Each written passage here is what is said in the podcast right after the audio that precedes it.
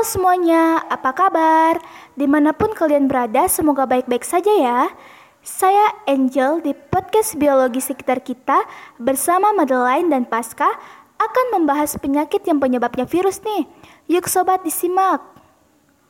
Kita hari ini bakal bahas tentang penyakit yang disebabkan oleh virus. Membicarakan tentang virus pastinya banyak banget. Namun, tenang. Kita hanya akan membahas salah satu dari sekian banyaknya penyakit yang disebabkan oleh virus ini, yaitu cacar air. Apa sih itu cacar air? Nah, cacar air dalam istilah medis disebut varicella. Umumnya menyerang anak-anak berusia di bawah 10 tahun. Namun juga penyakit ini juga bisa menyerang orang dewasa. Seperti yang kita ketahui, penyakit ini disebabkan oleh virus. Nah, virus ini lebih jelasnya gimana sih Madeline? Kok sampai bisa menyebabkan penyakit? Jadi gini, Angel dan sobat pendengar biologi sekitar kita, penyebab utama penyakit cacar air ini karena adanya virus varicella zoster yang menyerang sistem kekebalan tubuh kita. Virus jenis ini juga merupakan salah satu virus yang mudah menyebar dan menular dengan cepat. Terlebih lagi, virus varicella menggunakan udara dalam penyebaran. Oh, jadi gitu ya. Selain faktor utama yang menyebabkan penyakit ini, apakah ada faktor lain? Wah, tentu ada dong. Seperti belum pernah terkena cacar air, lalu belum pernah mendapatkan vaksinisasi pencegahan cacar air, lalu kekebalan tubuh yang cukup lemah, dan juga bisa tertular dari orang yang terkena cacar air yang berada di sekitar kita. Jika terjadi kontak langsung, lalu memegang barang-barang yang sebelumnya disentuh penderita cacar air, lalu yang terakhir yaitu uh, berada di dalam ruangan tertutup lebih dari satu jam bersama penderita cacar air, karena virus ini akan menginfeksi dari udara yang dihirup bersama. Madeline, aku mau nanya nih, kan ada beberapa pernyataan yang beredar di masyarakat kalau sudah kena penyakit ini sekali tidak akan kena lagi. Apakah pernyataan ini memang benar atau gimana? Sebenarnya pernyataan tersebut salah banget pasca. Orang yang sudah terkena cacar air masih ada kemungkinan terkena virus ini lagi. Karena virus cacar air sebenarnya tidak sepenuhnya hilang di dalam tubuh. Virus tersebut masih menetap di dalam tubuh, tapi dalam keadaan tanda kutip tidur atau tidak aktif.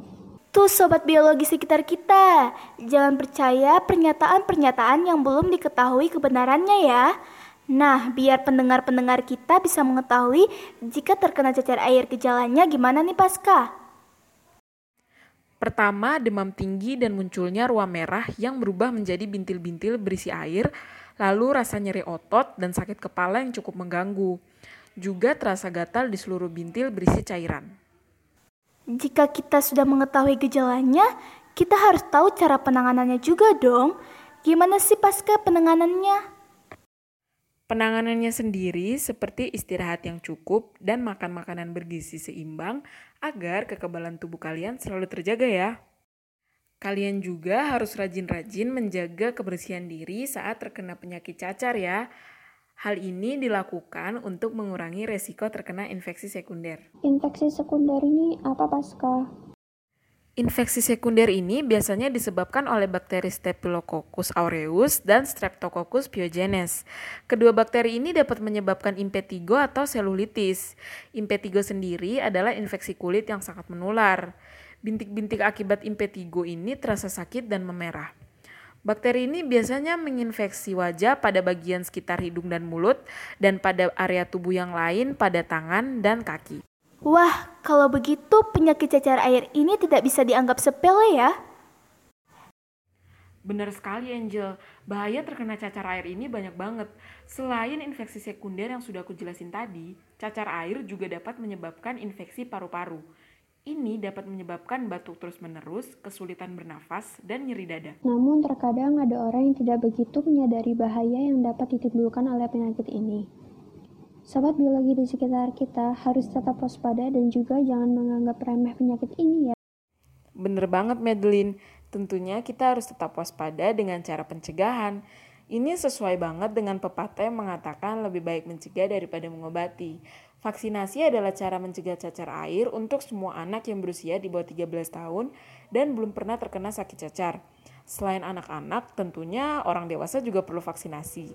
Bagi yang belum pernah vaksinasi ya, Selain vaksinasi, jika ada anggota keluarga atau orang di sekitar kalian yang tertular, Ingat untuk selalu menggunakan masker saat berinteraksi dengan mereka ya. Dan jangan lupa untuk selalu rajin cuci tangan menggunakan sabun. Wah, seru banget hari ini kita bisa berbincang bersama Madeline dan Pasca. Tentunya juga dengan info yang bermanfaat loh. Terima kasih untuk sobat biologi sekitar kita yang sudah mau mendengarkan. Teruslah belajar, cintai dirimu dan cintai lingkunganmu.